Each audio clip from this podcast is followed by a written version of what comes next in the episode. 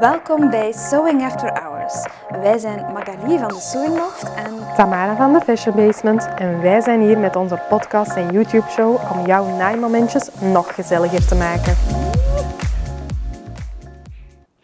welkom terug bij een nieuwe aflevering van Sewing After Hours. Vandaag hebben we het over de essentiële naaivoeten.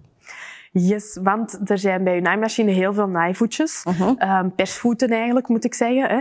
Ehm, als je een machine koopt, daar zitten er al verschillende bij. Maar daar kunnen dan natuurlijk nog veel meer apart gaan bijkopen. Ja. En daar kun je heel uitgebreid in gaan. Ja, dat is Dus- de hele wereld hè, die je openhoudt. Ja, maar en sommige zijn ook effectief een grote hulp. Anderen zijn zo een beetje nice to have, om het zo maar te zeggen. Ehm, dus wij gaan eens een keer kijken naar welke ja, zijn echt wel essentieel en waar gaan onze voorkeur naar uit. En dan begin ik uiteraard met een ritsvoet. Ja, een ritsvoet. En als het kan, als dat mogelijk is, niet elk merk heeft die.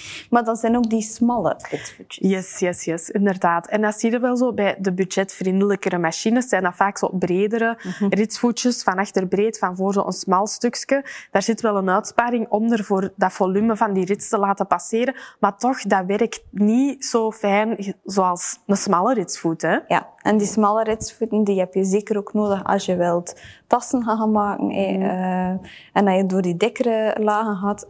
Die een brede voet zit overal in de weg. Ja, dat is echt waar. En ook, dat brengt mij al een beetje bij punt 2, een blinde ritsvoet. Ja. Maar zolang dat je geen blinde ritsvoet hebt, dan kun je eigenlijk nog wel met een gewone ritsvoet je blinde rits instikken. Maar dan heb je echt zo'n smalle nodig. En sommige Ja. machines hebben altijd standaard zo'n smalle en dan is dat eigenlijk perfect haalbaar. Maar met zo'n brede is een blinde rits echt geen, geen ehm, ja, cadeau om gaan in Nee. te stikken. Hè? Nee. En die, die eh, blinde ritsvoet, allee, ja, moment dat je die hebt, dan zeg je, allee, wat heb ik al die tijd over zo zitten sukkelen om dat te kunnen doen. Eh, die blinde ritsvoet, die maakt toch wel een groot, een groot wereldverschil.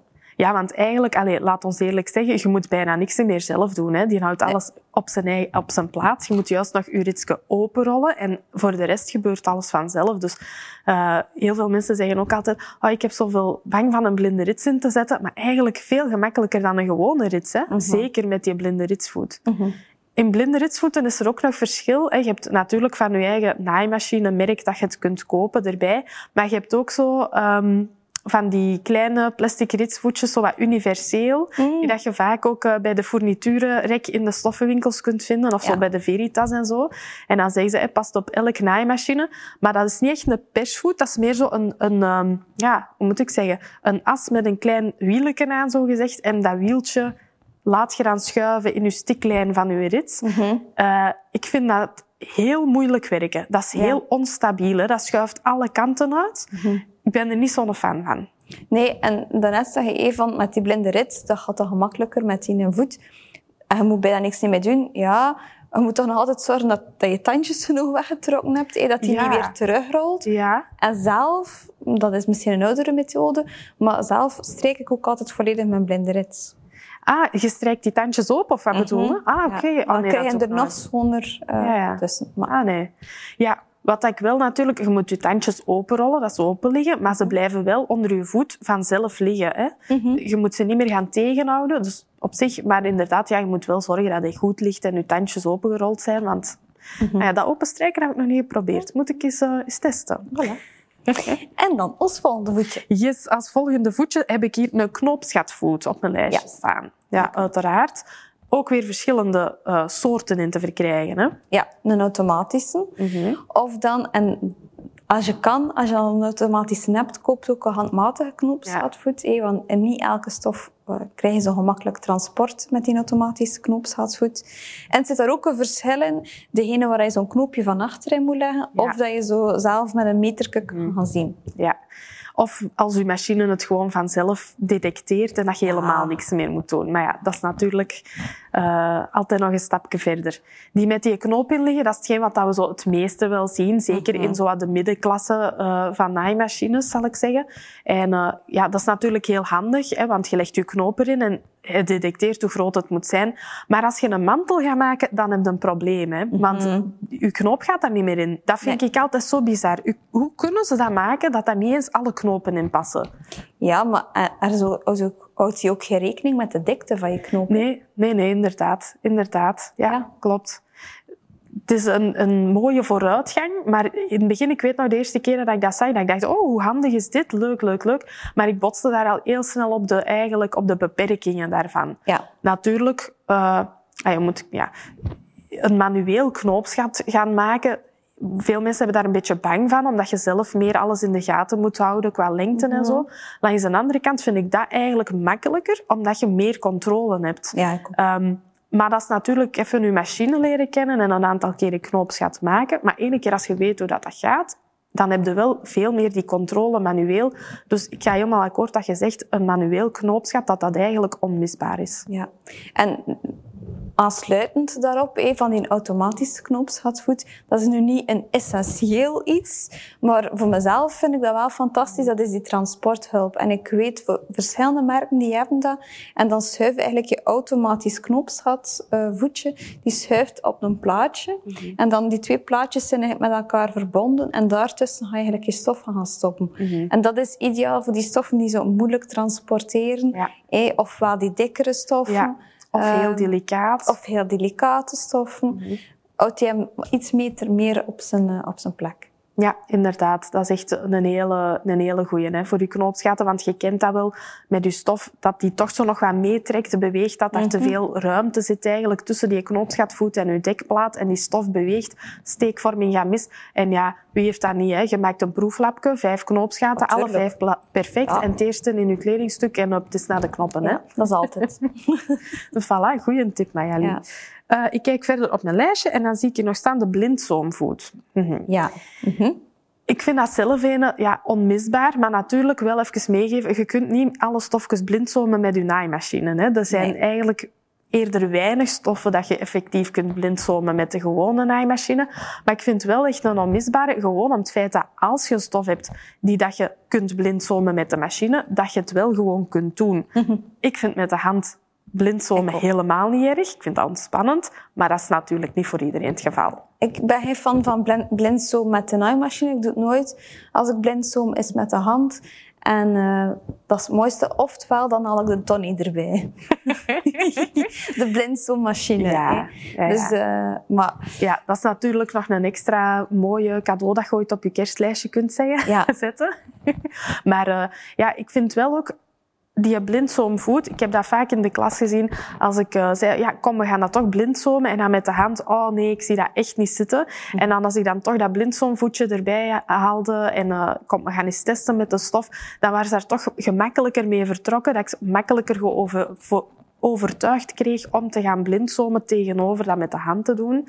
um, en veel mensen doen aan een stitch in the ditch hè, met een ja. blindzoomvoet. Ja. Dat maakt het iets gemakkelijker die eerste keren dat je dat doet. En eigenlijk een stitch in a ditch, om dat wat te kaderen. Eh, dat is als je bijvoorbeeld een tailleband aanzet uh, aan een rok of aan een broek. En het ogenblik dat je die tailleband um, sluit, sluit eh, dubbelt, mhm. dat je hem wil vastmaken, dat je dan eigenlijk in die aanzetnaad daar een stiksel in heeft, dat gemakkelijker is. Ja, die blindzoomvoet die heeft een soort van mesje in het midden. En dat je dat als geleider kan gaan gebruiken. Ik zie dat ook veel bij tassenmakers, als ze dat gebruiken. Ja. Mm ja, zelf minder fan van, maar ja. Het werkt zeker goed, hè? Ja.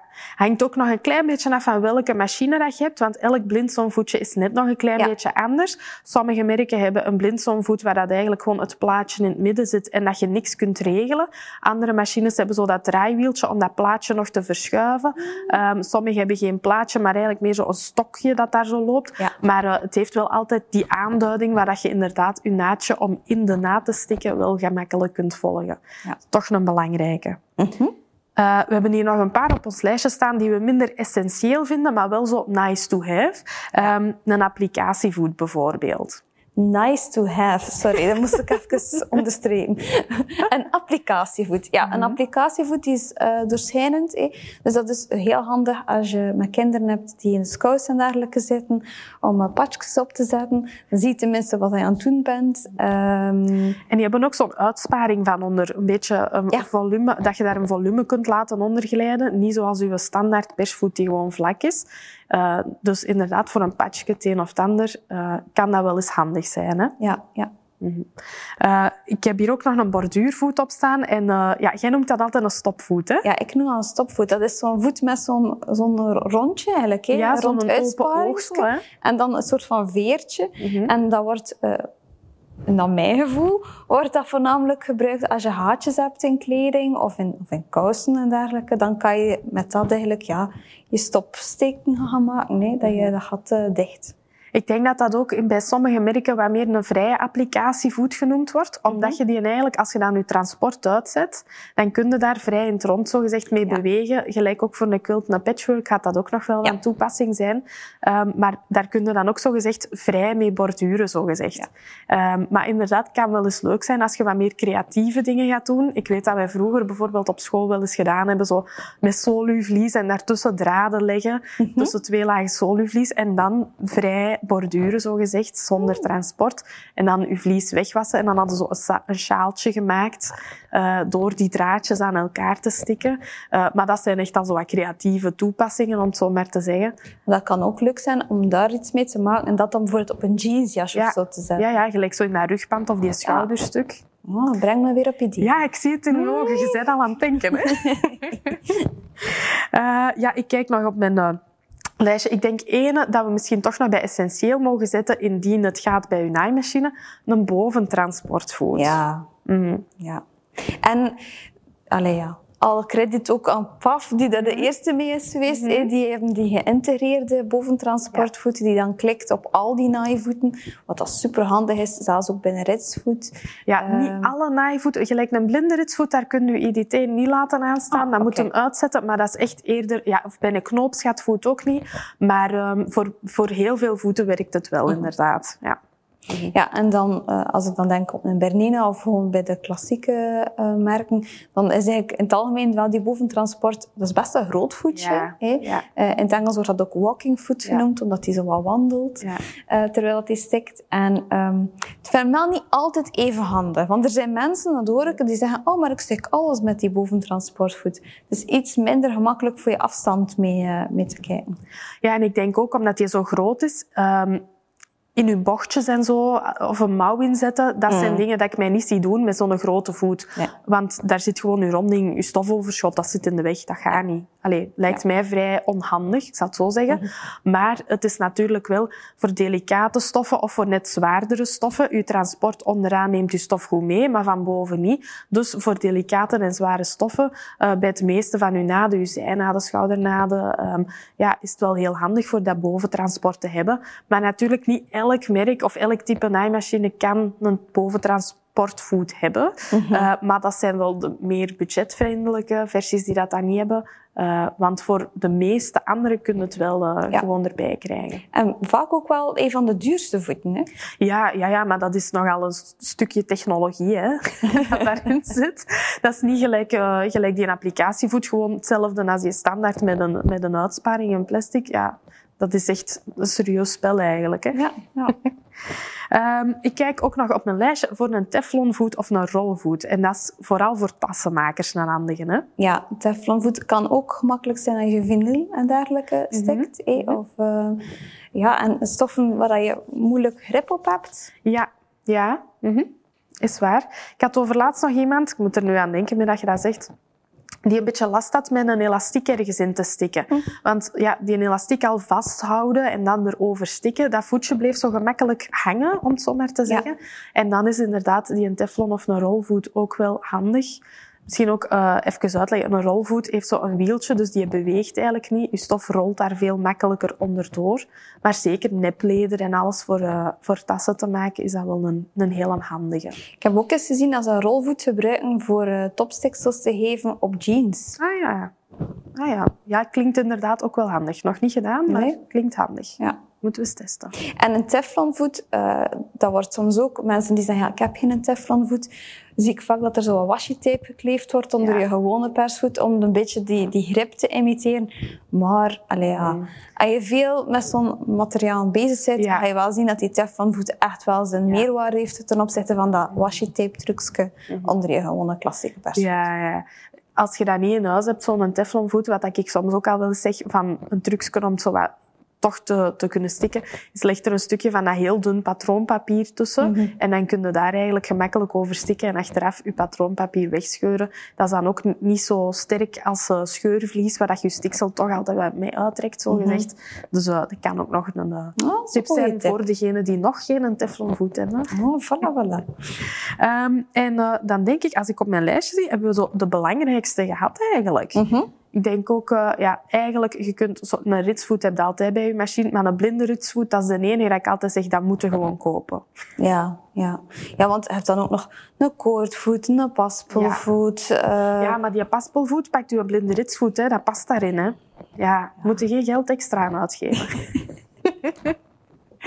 Eh, ja, maar dat is inderdaad er is oneindig. Hè. Of zo met, voor pareltjes en pailletten en zo. Of voor elastiek eraan te zetten. Of een plisseervoet en zo. Ehm, maar ja, dat zijn... Zelfs ook voor de overlokker, hè. Ja, Allee, ja. Ja. ik heb ook een heel arsenaal nog van die overlokvoeten. Heel eerlijk, gebruik dat niet. Maar ik wilde dat gewoon hebben, dus ja. Hm, herkenbaar. herkenbaar, hè. Ja. Ja, maar dat inderdaad... eh, hoe, hoe meer van die frulletjes, hoe minder dat je het gebruikt. Want dat altijd veranderen voor elk naadje, het is ook geen doen uiteindelijk. Hè. Nee, en als je een vervent quilter bent, zo'n quiltvoet is ook altijd heel gemakkelijk, omdat je dan met dat fijn, ehm, ja, ik weet niet meer juist welke afstand dat, dat is hoor, is dat 0,3 en 0,5? Ja, zoiets. En dan heb je daar zo die afmeting erop, dat is ook nog een keer handig. Maar dat is al vrij gespecialiseerd. Dat is gespecialiseerd, terrein, zal ik maar zeggen. Maar Ja. inderdaad, kan handig zijn. Ja. Maar Lasse, ik denk dat we eh, de persvoetjes goed onder de loep genomen hebben. Onze beste tips meegegeven hebben. Eh, dus ik zou zeggen, alvast bedankt om weer te kijken en te luisteren. En we zien jullie graag volgende week terug voor een nieuwe aflevering. Bedankt om te luisteren of om te kijken.